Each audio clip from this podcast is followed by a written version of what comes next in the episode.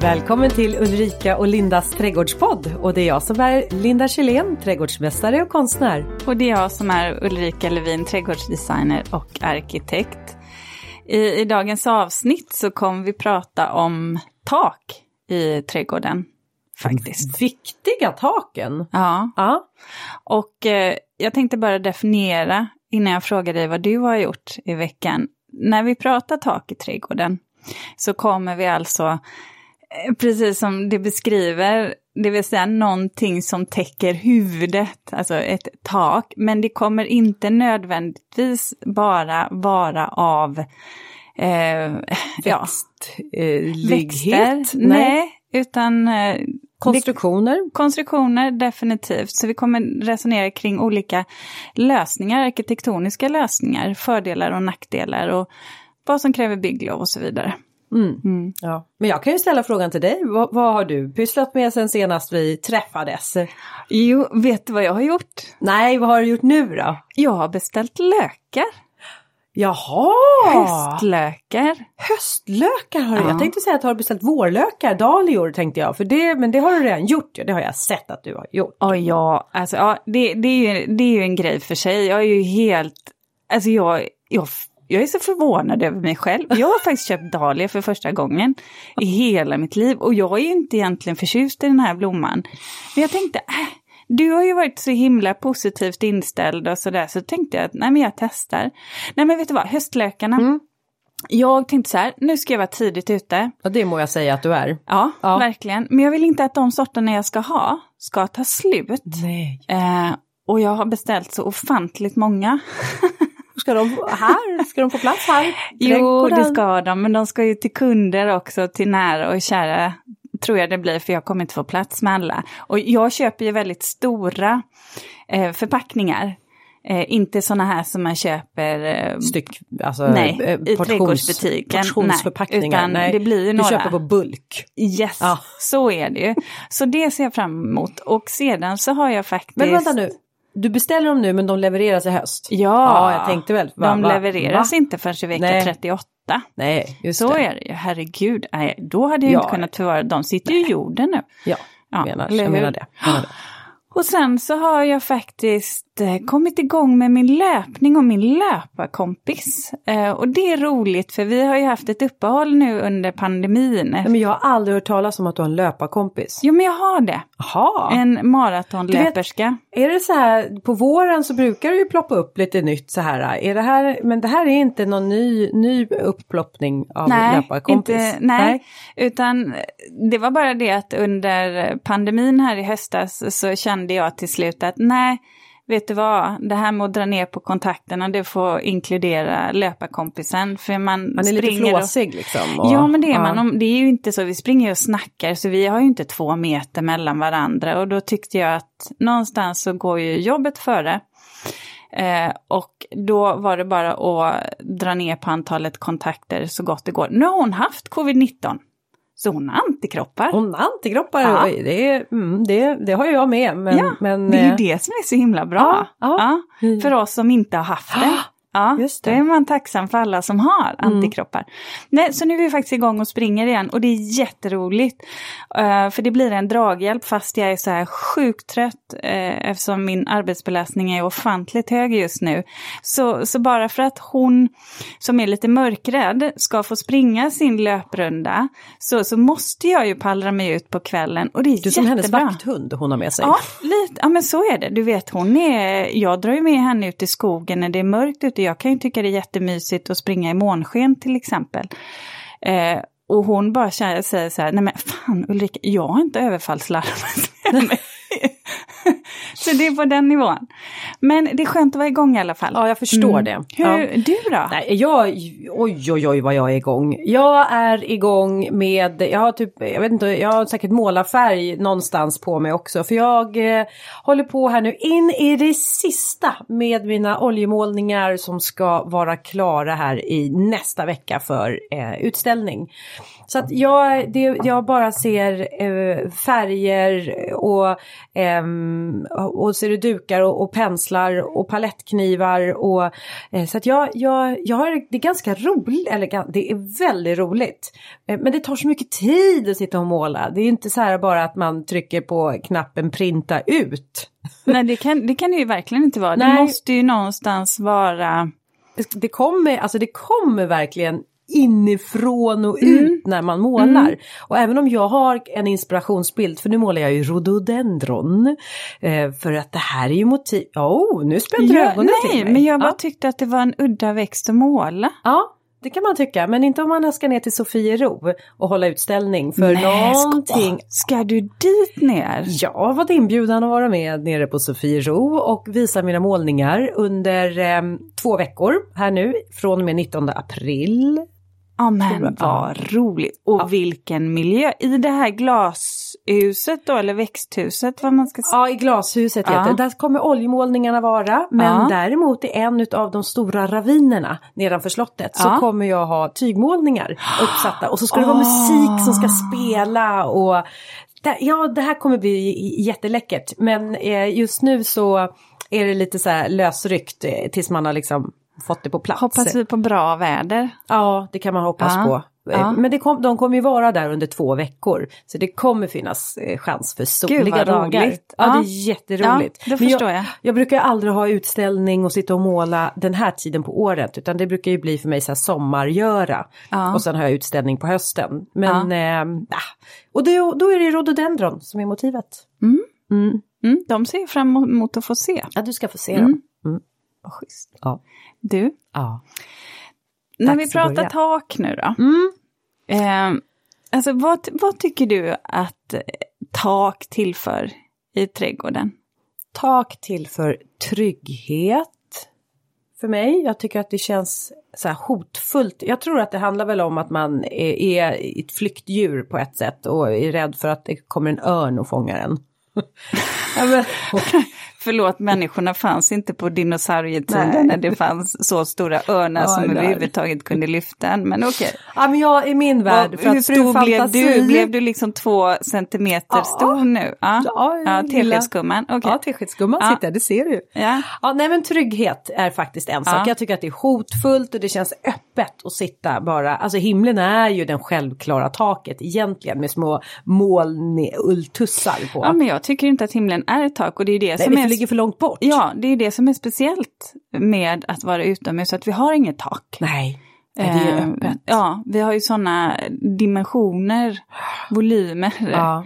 Men då, då kan jag tycka i alla fall att om man Ja. nu gör, alltså så här, man, man tar taket närmare jorden. Mm, det blir en Eh, inramning. En inramning, Mm. okej då har vi trygghet, då har vi inramning. Men tak det är ju även det är solskydd, eh, regnskydd och men jag skulle säga insynsskydd också till viss del. Jaha. Helt. har, jag håller in, med. har jag täckt in det? Ja. Ja! Ja, Ja. bra Linda. Ja tack! Ja. Tack. Men eh, Mm. då, jag har ett sånt speciellt eh, takminne från eh, när vi reste till Italien när jag var yngre. Och vi kom ut eh, och skulle äta frukost på den här terrassen och då har de ett Eh, ja, men som en pergola i metall och sen något litet sjavigt glastak på. Men sen hade de sådana fantastiska vinrankor. Du vet, som bara slingrade sig över. Och jag kan fortfarande minnas den här känslan av solen, det har börjat bli lite varmt, den liksom varma kalkstenen under fötterna och den här grönskan och sen det här färska brödet med aprikosmarmeladen på. Ja men du vet, då kände jag mig så här omsluten. Ja, verkligen. Ja. Och det där kan jag fortfarande känna just när vi pratar tak. Att det blir en mysighetsfaktor som är ganska oslagbar. Mm. Oslagbar är ordet. Mm. Jag har, också, nej men jag har också ett sånt här pergola-minne.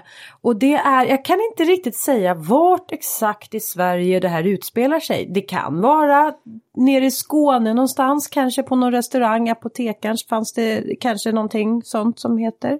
Ja. Ja, kan Mm. vara någonting där. Jag vet inte, det kan vara någon annanstans också. Men jag har en minnesbild av en pergola och sen så klättrar det blåregn. Mm. Och så hänger det ner så här klasar, gör det. Och och det där har väl alltid varit en dröm att eh, kunna återskapa. Jag gillar ju pergola. Mm. Som egentligen, eh, alltså egentligen om man har en pergola i Sverige, vi har ju kanske inte en pergola för att förhindra solen så mycket för att vi vill ju gärna komma åt solen.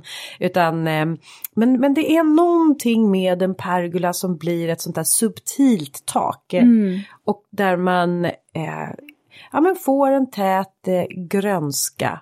Men blåregn är ju oslagbart. Alltså det finns ju den här blåregnet Blue Moon till exempel. Mm, som är härdig zon 5. Ja men precis. Har vi pratat om tidigare. Ja. Men det är väl ett sånt där. Jag har också ett pergolaminne med ett, en klätterväxt i. Mm. Och det var lite spännande för nu tog vi båda med växter. Ja! Det finns ju så många andra lösningar som kan Ja. skapa tak i, Ja, i trädgården. ja. Jag har ju, jag har ju ett annat eh, så här, som händer mig årligen. Det är att jag, vart jag än går så vill jag gärna sitta under ett tak. Mm. Och det är ju inte helt, det enklaste sättet att få till det där taket det är ju ett parasoll. Mm. Ja, så att, och vi har ute på landet på en liten blåsig udde som vi har landet och där ute så kan jag förbruka några parasoll om Jag tänkte så här, just där kan Mm. ju parasoll vara riktigt dåligt Ja det är riktigt dåligt är det. Men det är också riktigt dåligt med ett vind, alltså ett segel. För segelduken bara får fart, snart lyfter hela huset. Det är det inte får man- örnen som tar det. Nej, men då får man dra i dem, då måste man nästan förankra dem i aluminiumstolpar, alltså s- s- segelmaster i princip. Det Ja. måste vara den typen av konstruktion. Men sen kommer det ju låta om det blåser på, Ja. definitivt. Men du, eh, tycker du att en, ett tak i trädgården måste hänga ihop med huset eller kan det vara fristående? Kan absolut vara fristående. Jag, jag ser inte att det ens så här, äh, finns en fråga om det, om det kan eller inte kan. Utan ett tak är ju tak liksom. Mm.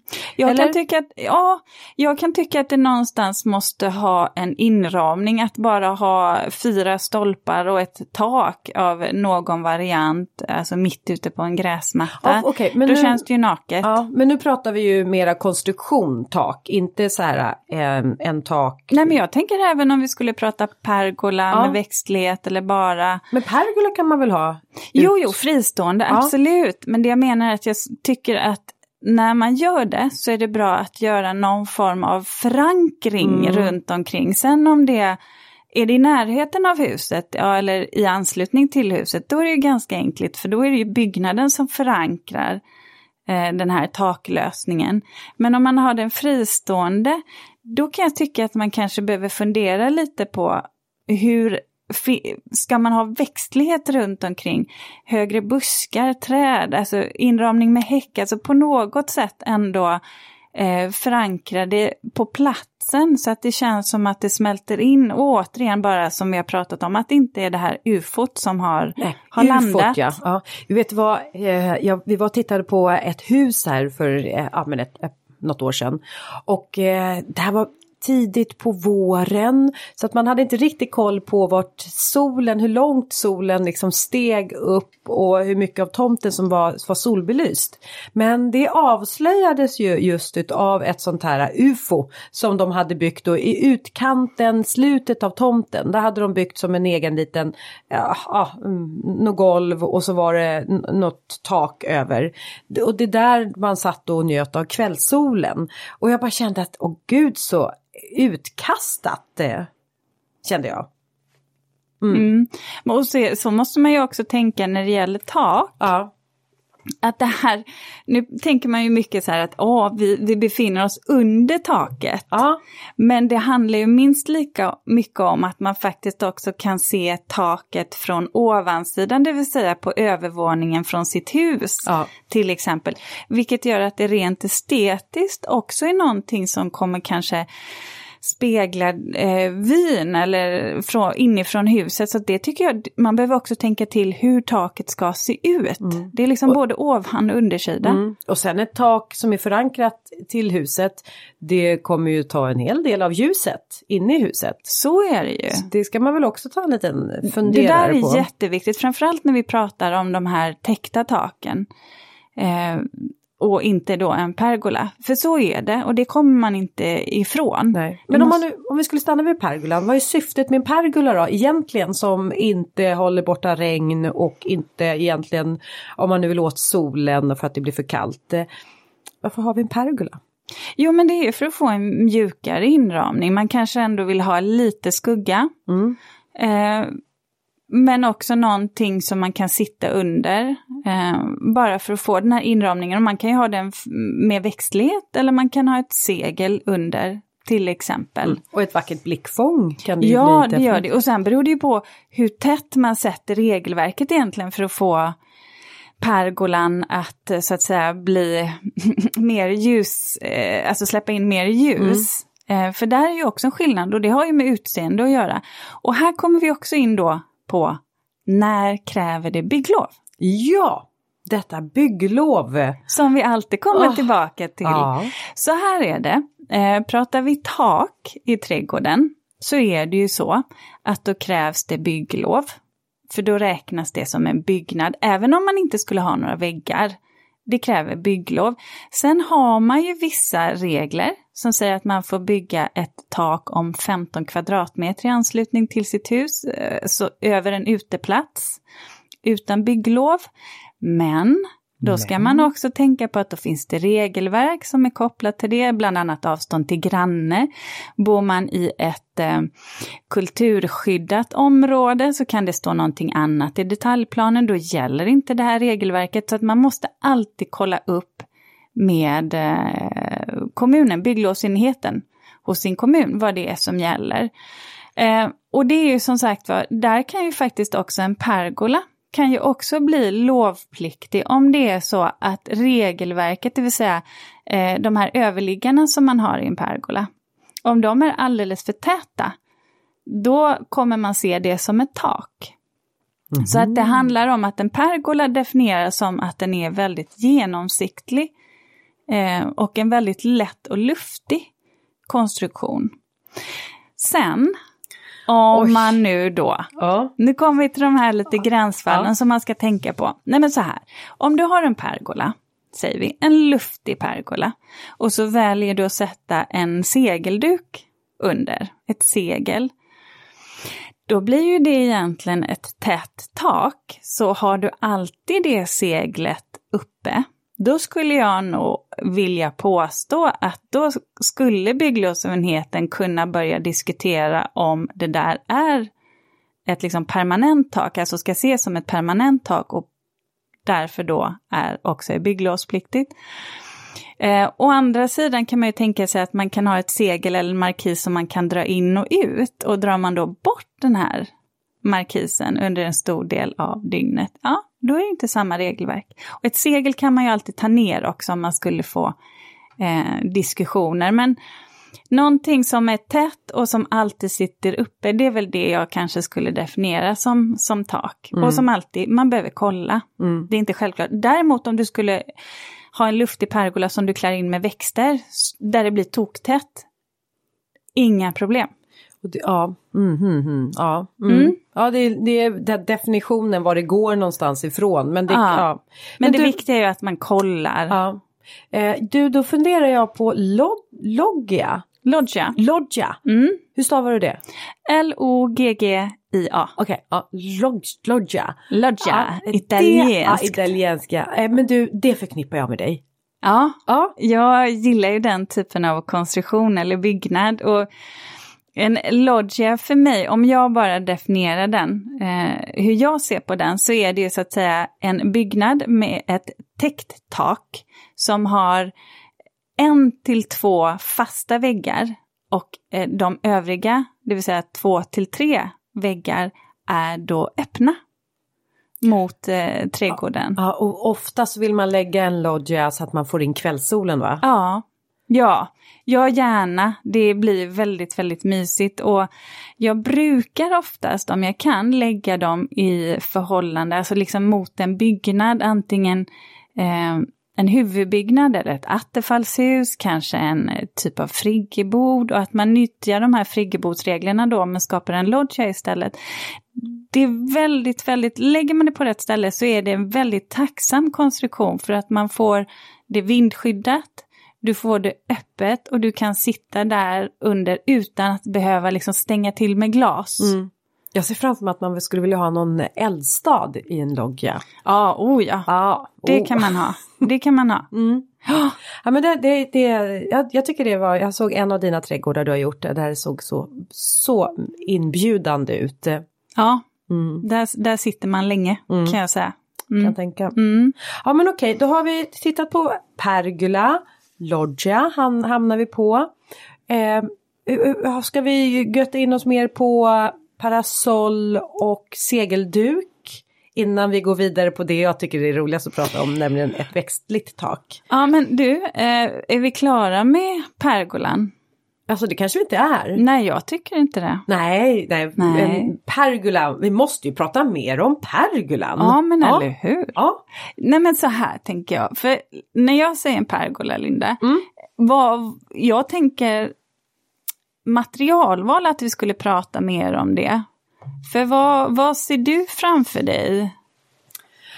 Ja men det är väl alltid så att materialvalet måste hänga ihop med övrigt som finns på tomten och då gärna skulle jag säga huset och stilen. Alltså Linda, ja. du, alltså, du mm. tänker så rätt. Nu fick du guldstjärna. Ja, ja. ja jag, nu sträckte jag på mig nu. Nu blev jag, vad fånig man är. Att när du säger så här då blir jag jättemanlig. jag såg det. Hela ditt kroppsspråk. Ja. ja. Ja. ja. um, men, uh, men ja, så det, var, det, det stämmer alltså det jag säger. Ja. Jag är ju liksom, jag gillar ju design också. Så att jag tänker ju på sånt här jag med. Men jag är ju inte ett lika stort proffs som du Ulrika. Nej, Nej. men det är inte konstigt Nej, heller. Nej, det är du inte. Nej, Nej, Nej men konstigt. utifrån det, det här är ju min profession. Ja. Men okej, okay, så då tänker jag rätt där. Ja, och, och skulle, definitivt. Men, okay, jag bor i ett gammalt hus med en gammal lite friväxande trädgård. Eh, hur skulle du säga att om jag vill ha en pergola där hemma, hur skulle jag ha den? Då skulle jag välja trä. Ja, trä ja. Klockrent trä. Klockrent ja, tack då är vi överens där. Ja, Färg? Vit. Vitt. Vit. Ja, vit. Vit. Vit. vit. Var kommer jag ifrån? jag vet inte. Du, jag måste tydliga här. Vit. vit. Ja, ja, vit. Ja. ja och det har, väljer du därför att jag har vitt eh, på snickerier i huset? Ja, och sen är det ju så här. Jag har ju också eh, en vit pergola här? i mitt hus. Ja, men seriöst, har du inte sett den? Är du allvarlig? Du som jo, är så, alltså, tar brukar... in allting. Ja, men den där brukar du ha en duk, segelduk under. Ja, ja då har inte jag sett den. Vet Nej. Du. Nej. Nej. Det, jag har sett att det har varit, jag tror det varit ett Men nu har jag ingen duk, ser du det? Nej, exakt. Mm. Och vad betyder det då? Att det där är någonting som inte är bygglovspliktigt? Ja, jag har ju inte den uppe hela tiden. Nej. Just det. Det, det där, nu måste jag dra upp gardinen igen för vi sitter faktiskt hemma hos dig i ditt mm. äh, attefallshus. Mm. Nu drar jag fram gardinen igen. Friggebod men okej. Okay. Ja, är det här friggebod? Ja. Det här känns som att det här är ett riktigt chateau. Ja, jag vet. Är jag ja. arkitekt eller? Alltså är du arkitekt eller ja. är du Herregud vad vi plussar på ja, mig nu. Ja, nu plussar vi på dig, det, ja. det, det känner jag. Nej, men jag igen. grejen är det att eh, det jag vill komma till innan jag tappade tråden fullständigt. Det var ju det här Jättefint. att när man har vita eh, snickerier så är det ju ändå så att man kommer behöva tvätta av dem lite med såpa.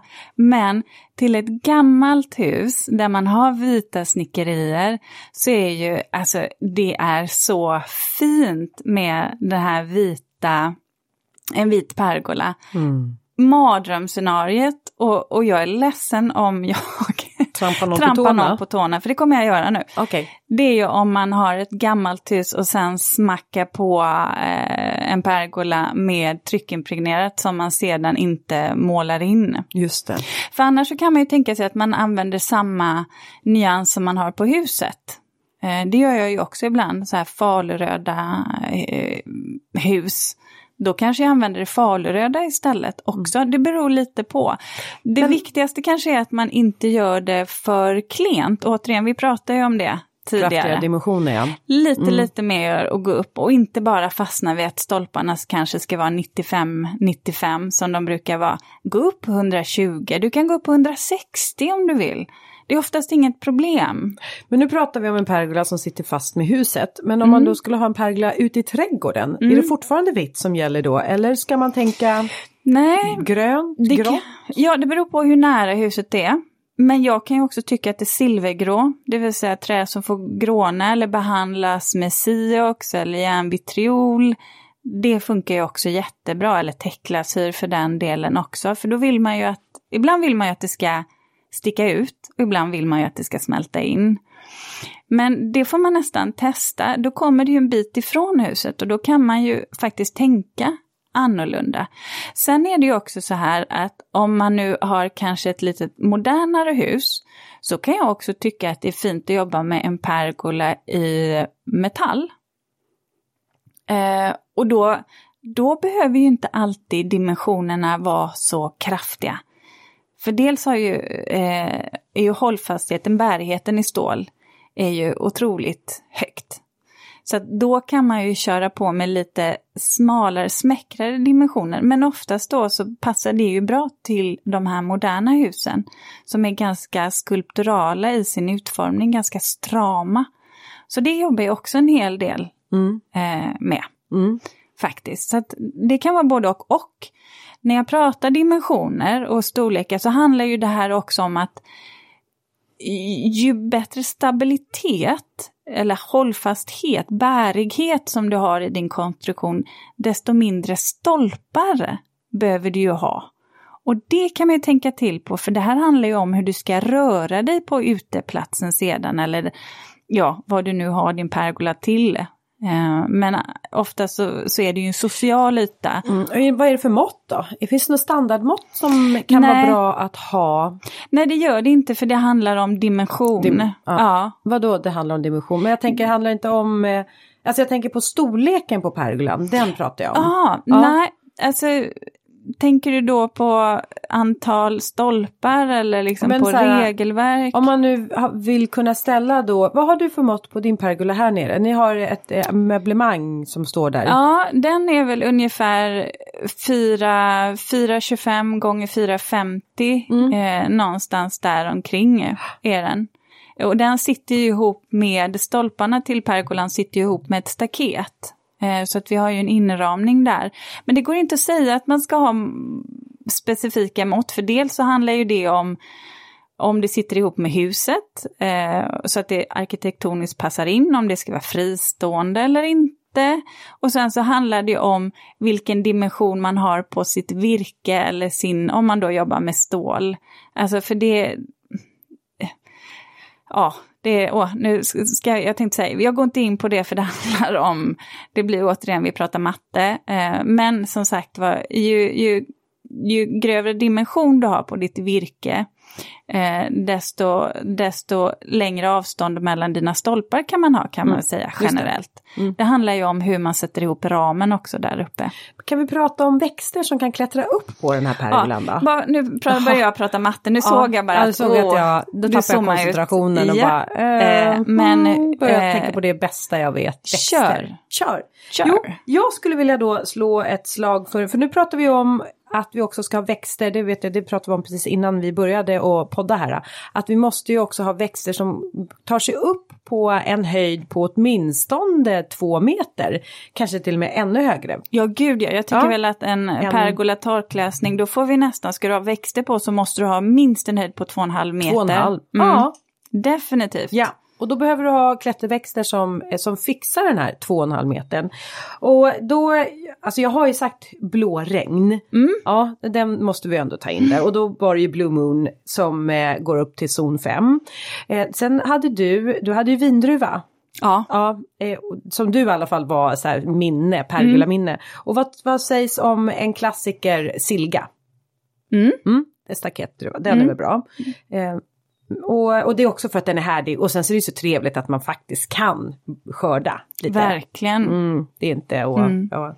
eh, sen, sen hade jag även kameleontbusken.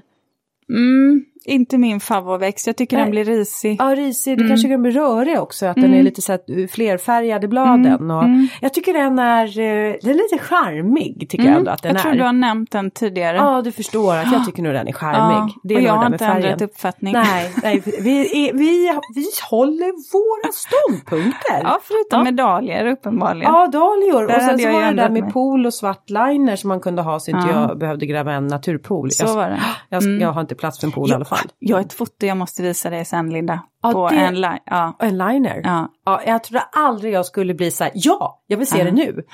Nej, Nej, Nej, inte nej, nu. nej, men Men alltså får, jag- nej, nej, nej, ja. nej, nu får vi hejda oss. Pipranka, Ja, piprankan var Är väl nästa. väldigt bra. Men den är vi överens om. Piprankan. verkligen. Och den får ju så fina Mm. blad. Sen måste man ju tänka på det här, och det har vi varit inne på tidigare, att när man har någonting grönt som ska klättra upp för en träkonstruktion, då måste det ju vara växter som, eh, som är lite Suger. snälla. Nej, Nej, som inte suger. suger. För tar vi det till exempel som murgröna eller klätterhortensia, då har vi ju pajat Ja, då- då- konstruktionen. ja, och då blir det kommer lite den då. ruttna snabbt. Ja, och och då du kan absolut inte måla den. Nej, och göra den ren. Och... Men däremot så kan du ju sätta vajrar Ja. med glidstoppar på. Som, Ah, som man kan, då. såna här, så att de kan få fäste och klättra sig eh, över. Glidstoppar. Det är som små pluppar egentligen som man sätter med ett jämnt avstånd på vajrarna.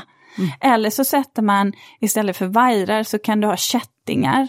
Och de kan du få varmgalvade om du vill ha det här lite metallfärgade eller så har du ju de rostiga. Men då får man ju tänka på sen när man ska måla om, om man har en pergola som ska målas om, då måste man ju naturligtvis kanske klippa ner sina klätterväxter och sen kunna vika ner dem då. Så att eh, man tar bort det som är uppe vid taket i alla fall.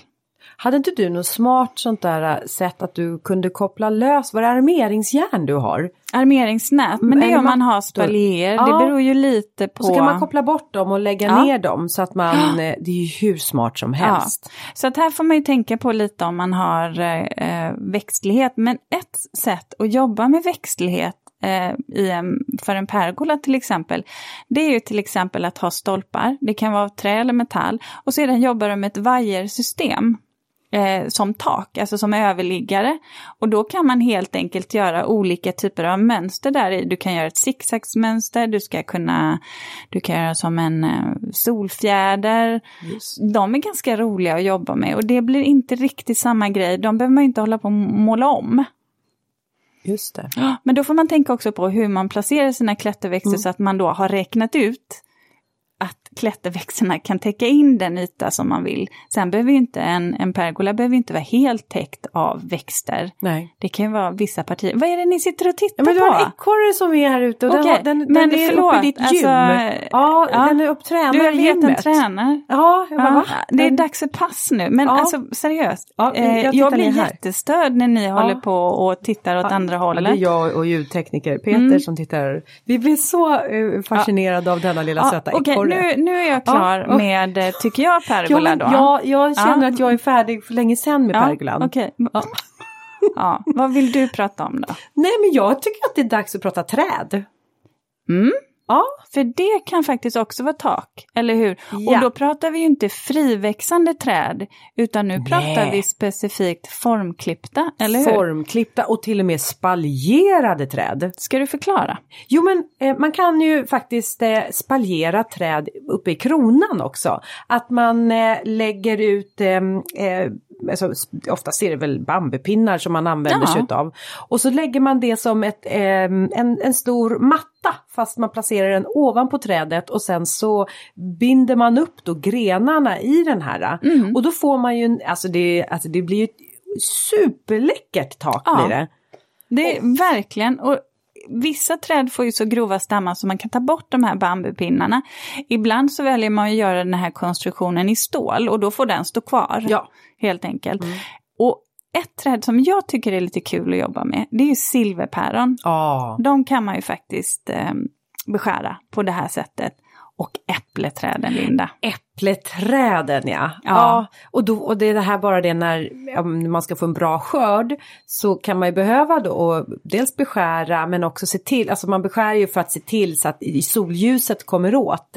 Och på det här sättet, här ligger liksom äpplena väl uppradade och det, det blir väldigt gynnsamt blir det. Ja, och även om man inte får så himla många äpplen så, så, så måste jag säga att de blir ju så här knotiga de här stammarna och så har de ju den här härliga blomningen så jag tycker det är ja, jättefint träd att Ja. beskära. Men du nämnde ju eh, ett annat träd också. Ja, det gjorde jag. Vad var det för träd? Var det en lind? Var det parklinden? Par- Palida? Ja, ja visst Var det den va? Ja. ja. Eh, också någonting, för det, det, det är ju så här när det kommer till de här träden, de ska ju tåla beskärning. Ja, Ja. jätte, Eh, Så jätteviktigt. att vi, vi sa väl det att ett eh, prydnadskörsbär kanske inte riktigt är det lämpligaste. Superdåligt alternativ. Superdåligt alternativ. Gud vad jag upprepar vad du säger. ja, Ja, jag hörde det också. alltså, ja men det var, att det, det var väl liksom, man vill med en fas det övertydligt här. Eh, nej men alltså verkligen tänk på det så att man inte har ett träd som faktiskt inte tål hård be- beskärning. Vi pratade även tidigare om möjligtvis att eh, en oxel skulle kunna fungera också. Mm, precis, jag har för mig att jag har sett en oxel, en silveroxel. Ja, de är så vackra. Men jag har aldrig testat det själv så Nej. det här blir ett, ja, det här blir ett frågetecken. Bok. Ja, vanlig avenbok också Ja. I- går ju faktiskt att jobba. Ja. Och de, kan, de är lite roliga de här avenbokarna för de här kan man ju klippa som kubklippta träd. Just det. Mm. Ja, men gud vad spännande. Då sätter man ju många på rad också. Och återigen, då får man anpassa lite hur stor yta man vill ha. Men det är ett jätte, jätteroligt sätt att jobba med träd på som inte är så vanligt. Som man kan ha vid uteplatsen men också som en pelargång till exempel. Nej, kul sätt att jobba med träd. Och då pratar vi stamträd. Ja, på högstam. högstam. Jag Då är vi där Eh, igen. Träd ja. på högstam, det vill säga att kronan börjar på ungefär minst 2,20. Mm, så du kan gå under. Ja, Ja. det, det är ett måste. Mm. Annars så faller ju Ja. det där med takkonceptet rakt av. Liksom. ja, verkligen. Ja. Ja, men, så jag, jag gillar träd eh, som man formflyttar. Men som sagt, eh, ehm, ni som lyssnar, ni kan ju lätt liksom googla upp någon bild på hur det ser ut med det här spaljerat träd. Eh, tak. Sen nämnde ju du segel. Ja. Du var ju inne på det. Ja. Eh, och det tycker jag är, det är också en väldigt luftig konstruktion och framförallt så kan segel bli så här vansinnigt mysiga för att om man tänder upp lite stearinljus eller någon ljuslykta eller haft ljusslingor under eh, sitt segel så blir det en så vacker, eh, åh vad heter det, skuggor, Ja, det blir sånt skugg... Sk- Skuggspel. Ja, Ja. I segelduken. Och, Och silhuetter. Ja, silhuetter, exakt. Och det blir så fint för det är nästan som man sitter i en ljuskub. Jätte, jättemysigt. Eh, sen, sen ska man ju tänka på att eh, man behöver köpa kvalitet om det ska hålla länge. För det, blåsten tar ju tag i det här. Dels så ska ju förankras. Dels så ska du ha en lågpunkt på ditt segel så att vattnet kan rinna av. Ja. Och sedan så, så tar det ju en hel del stryk av sol Ja. också. Jag kan tycka att du kan köpa ett vanligt segel, alltså, som, alltså båtsegel. Det har jag gjort ibland till kunder och som man sen lämnar in för tvätt och segelmakaren. Men de eh, är ju inte så enkla att ha på, ja ibland går det. Eh, om man ska ha dem på, som en ehm, Som en jalusi, eller ja, Ja, jalusi. jalusi som man kan dra fram och tillbaka, för då måste det ju vara något som kan väcka sig lite enklare. Men det kan man också, det finns sådana lösningar.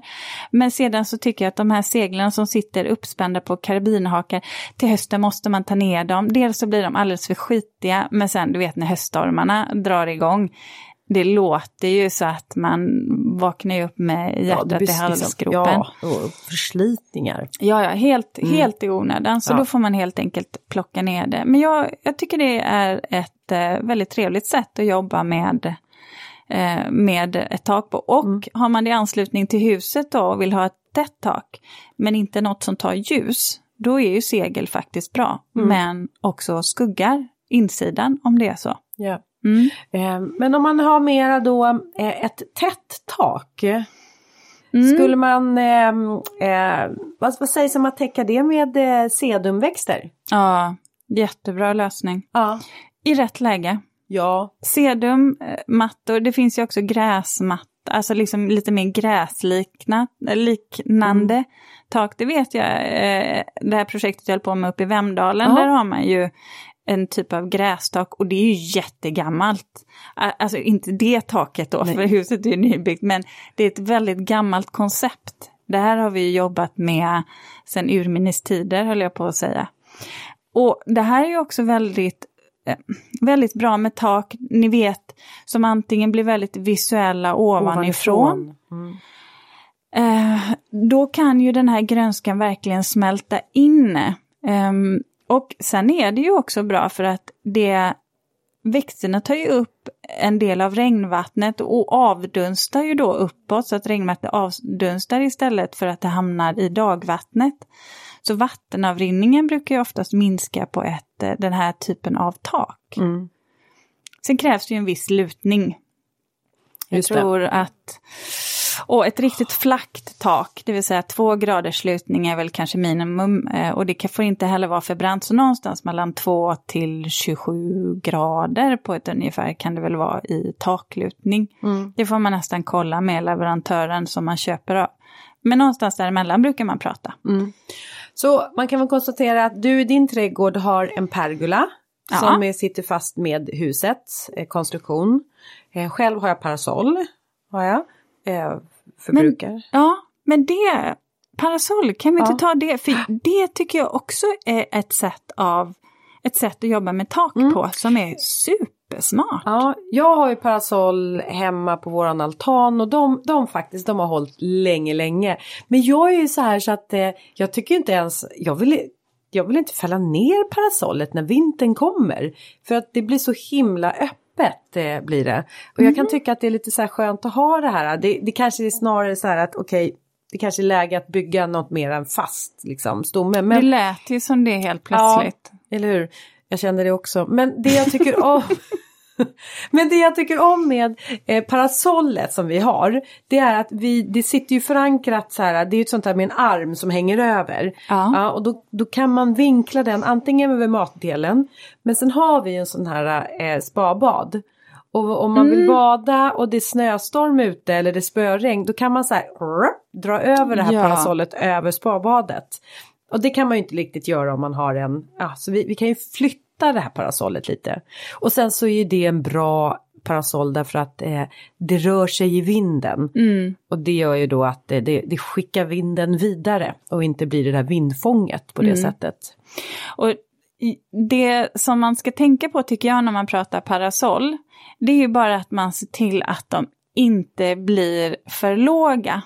För det är ju det där jag kan tycka är så himla jobbigt. Jag är ju ändå hyfsat lång och parasoll eller markiser för den delen då, som du vet blir kanske knappt två meter eller 1,80 i ytterkanterna. Alltså du vet, jag blir så irriterad. För att det är som att gå in under ett tält. Jo, men då tar man ju också bort en del av det här som är härligt med att vara utomhus. Det vill säga att, att man kan verkligen trycka upp takhöjden. De flesta av oss har ju inte liksom sekelskiftsvåningar med tre meter i tak. Och ja, har du det? Nej. Nej. Nej, nej. bara, nej. nej. Och, och då kan jag tycka att man tar bort en del av poängen. Det är som du säger, det är som att gå in i ett tält. Man tar bort den här öppna känslan. Så att då behöver man hitta parasoll som är lite högre. Det finns ju också jättebra parasoll som, som är stora eh, och som man sen kan fall, fälla ihop så att de blir pyttesmå. Alltså i att de inte tar någon yta alls. Jag har ett eh, märke som jag gillar och som heter Papillon. Eh, jättebra märke. Eh, dyrt. dyrt säger vi. Dyrt. Ja. Mm. Eh, men bra. Eh, det, blir, det blir riktigt, riktigt snyggt. Eh, om inte annat så kan man titta på konceptet i alla fall som sådan. Ett rektangulärt parasoll. Vad kostar sånt då? Eh, alltså... Det minsta tror jag kostar, ja, eller om det är det största, lite större, 45, jag tror det går loss på 45, 40, 45 000 någonstans. Ja, det, är lite, det, ja, det, mm. det, är ganska dyrt för ett parasoll. Ja, det är, mm. inte, det är inte ett dussin parasoll som Nej. du bara går ut och köper. Men uh, ja, Men visst, då, det kan ju också vara så här när man då investerar i dyrare produkter så kan det också vara så att man sköter om dem bättre. För att det blir någon någonting att nej men alltså det här är en sån värdefull pryl. Ja, om, om jag ska köpa, köpa ett parasoll för 5-6 tusen varje år, ja då, ja. då har vi snart kommit upp i det där. Ja. Men däremot så sa du ju samma sak när man är eh, i ett ganska vindutsatt läge. Då kanske man måste förankra det i mark. Eller i sin trall eller vad man nu har för underlag under. För annars är det ju tack och adjöss med det där parasollet. Ja, verkligen. verkligen. Ja, ja. Eh, Nej men åh, nu ska jag nog hem och fundera på om man skulle bygga en pergola kanske utanför altanen. Eller... Ja, du behöver inte ha det över hela. Nej, jag menar För du det. måste ju få, det, du har ju växthuset också så att Ja. du får nog tänka på dina vinklar där. Just det, vinklarna ska jag tänka på, dimensionerna ska jag tänka på. Ja. Men det Ah. med spabadet där, det Ja. tycker jag är smart. Att ha någonting att man kan ha möjlighet att dra över. Mm. Jo men för det är ofta så här också ska man ut och så ska man lägga morgonrocken någonstans. Hänga den Ja. och så regnar det. Ehm, Springer inte du nakenfis? ah, vi bor ju då i ett eh, villaområde så att eh, nej det händer nog inte så ofta. Eh, det, det är väl snarare eh, ute på skärgårdsön, morgondoppen där. Ja, men vad har du för reflektion? Vet du vad? Idag har jag ingen reflektion för att idag har du sagt till mig att du ska ge mig en fråga men det är på gott uppsåt. Eh, och då, då tänkte jag, då behöver inte jag ha någon reflektion för jag ska få en fråga på gott uppsåt. Hörrni, jag har ingen aning om vad Ulrika ska ställa mig för fråga. Jag, Nej. verk, ja, ja, okej, Och jag för- hör då. Ja, nej men så här, vi, vi, Jag, Vi jag tal- blir jag lite nervös här. ja, men vi jag, talades jag faktiskt... tror att jag ska få en tillsägelse av dig nu. Nej, men du kanske kan uppfatta det som det. Nej men, Ja. Så, nej men så här, faktiskt en fundering. Eh, snarare om, om du tycker att jag har pratat för mycket klimat och biologisk mångfald. För vi hade ett samtal här i veckan. Och så, så kom vi in på det här på något har sätt. du och jag haft det? Ja. Fan, du kommer inte ens ihåg det. Ja, Okej, men då sa du i alla fall, ja det där med biologisk mångfald, åh jag är så trött på det och så här. Och jag vet ju att du tycker att ämnet är viktigt och då funderar jag på, men Ja, men nu det? vet jag vad du pratar om. Ja, Just och då kände det. jag så här att, mm, har jag pratat för mycket om det här? För jag vet ju att du, alltså ämnet är viktigt. Och så tänkte jag, undrar om det inte är något annat? Det kändes som du hade fått, eh, är det så att folk, Mm. andra försöker göra det till en grej, eller vad var det? Ja men alltså sant det du säger fast det har ingenting med dig att göra. Nej, vad skönt. Nej det är verkligen ingenting För med då, dig. det kommer du nog få stå ut med och Ja. alla andra som lyssnar. Ja ja absolut. nej men alltså nej men det, nej det är väl snarare så här att eh, jag har ju varit programledare här för eh, Trädgårdsmorgon som eh, och då har vi haft många, vi hade många gäster i programmet. Och jag tror att nästan var och varannan gäst pratade om biologisk mångfald och om klimat, alltså eh, odla för pollinatörer och jag gör det jag också. Um, och jag börjar se, jag får intervjuer om det här och, um, och det är väl bara så här att jag Ah, när man pratar om någonting väldigt, väldigt mycket så blir det, jag vill absolut inte säga att det är uttjatat för att det här är så viktigt. Men eh, jag tror att vi, de, den som inte har undgått att det är av en god, stor vikt att prata pollinatörer och biologisk mångfald eh, har nog bara missat att skruva upp volymen i sina airpods. De har vak vaknat sent, helt ja, enkelt. Mm. alltså det är så. Men, men det är också så här att för mig då som jag har pratat om det här så vansinnigt mycket här nu. Mm. Och när vi då skulle kläcka nya idéer på vad vi kanske skulle, så här, om man skulle hitta på att filma någonting eller man skulle, ja, nytt ämne. Eller vi kanske skulle marknadsföra något inlägg som vi har på vårt Instagram till Mm. exempel. Eh, då kände jag så här, ja men alltså, eh, ska vi, alltså det, det är ehm, Men är det för att det är ett laddat ämne? För att det här med klimatet är laddat rent generellt? För jag tänker så här att prata vacker blomning, Mm. det, det är ingen som någonsin skulle tycka att det var tråkigt att prata om. Det är ju, ja men det hör ju till att det ska vara snyggt eller och jag kan väl någonstans önska att det här med biodiversitet, att det kunde vara att det bara var så, att man sa precis, det här är en Ja. lång blomningstid, det här är en frisk blomma och den Ja. har mycket nektar eller pollen. Mm. Alltså det är bara, och det är väl dit någon, jag tror att jag har kommit dit. Att för mig handlar det inte om att ta ställning för att nu måste, att odla bara pollinatörsväxter eller eh, leva på eh, alltså, naturgödsel eller sådär. Utan för mig handlar det om att det är ett sätt att leva.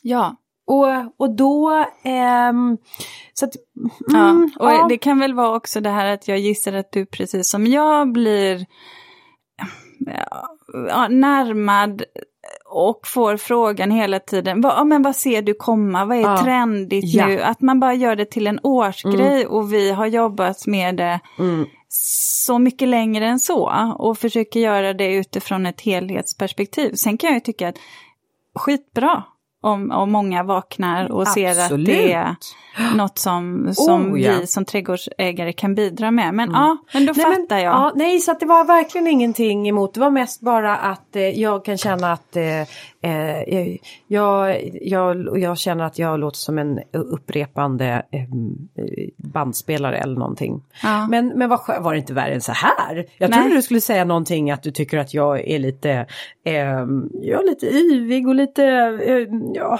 ja. Nej, det enda jag irriterar mig på det är Ja. att du inte kommer i tid. Ja, exakt. Fy Det var fan. dit jag skulle Ja. komma. Och jag att jag svär, tänkte. jag har svurit jättemycket Ja, både ja. i förra och det här avsnittet. Men det är så stora känslor i det här Ulrika. Ja. Men jag vet, och och jag kan bli irriterad att du alltid är i tid. Ja, Ja, ja, nej det stör mig. det stämmer. Ja, Ja. Jag vet, jag... Jag, jag Ska vi sluta med parterapi nu och så ska jag berätta. ja. Mm. ja, just det, nu har du en reflektion. Det här är ju också så roligt, Ja. för att många gånger när vi pratar om det här, då är det som du bara kom på, ja just det, ska jag fråga hur, vad du har gjort? Just det! Det här är ju Ulrika, Ulrika är här. Men nu, ska jag ja. bli, nu kommer jag bli allvarlig Okej. också. Ja. Eller rättare sagt, och det här är intressant, jag har ett tv-tips. För det första. Nej men så här, jag eh, har tittat på en jättebra dokumentär, du gillar ju dokumentärer Ja, I love it. Mm. Det finns en dokumentär som heter Dokument utifrån på SVT. Eh, Programserie. Ja, Alltså, nej, ju- ja precis.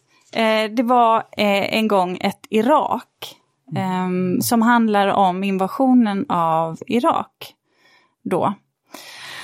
Eh, och där har de, eh, alltså de intervjuar personer som var med, både alltså militärer, fotografer, journalister, men även de som, som är drabbade, liksom som bodde i Eh, som bodde där, som arbetade som tolkar och som bara blev eh, ja, offer i kriget helt enkelt. En superbra serie eh, och väldigt skrämmande också. Men då kom jag att tänka på en bekant till mig som eh, är från Irak.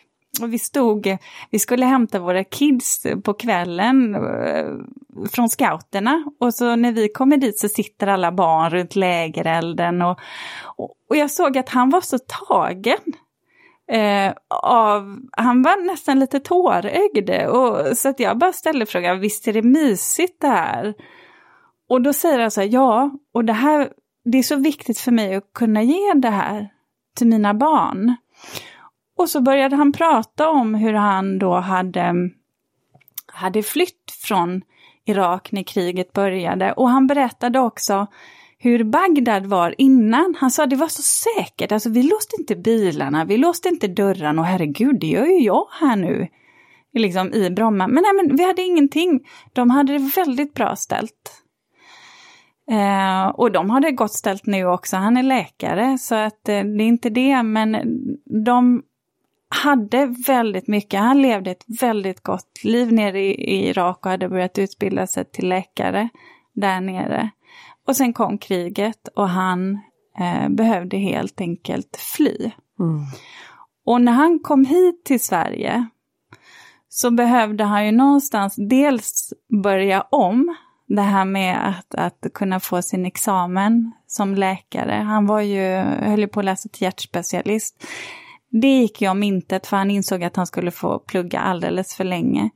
Men sen också det här med att när du vet Hesa Fredrik, vet du det, larmsignalen Ja. som kommer en gång i månaden.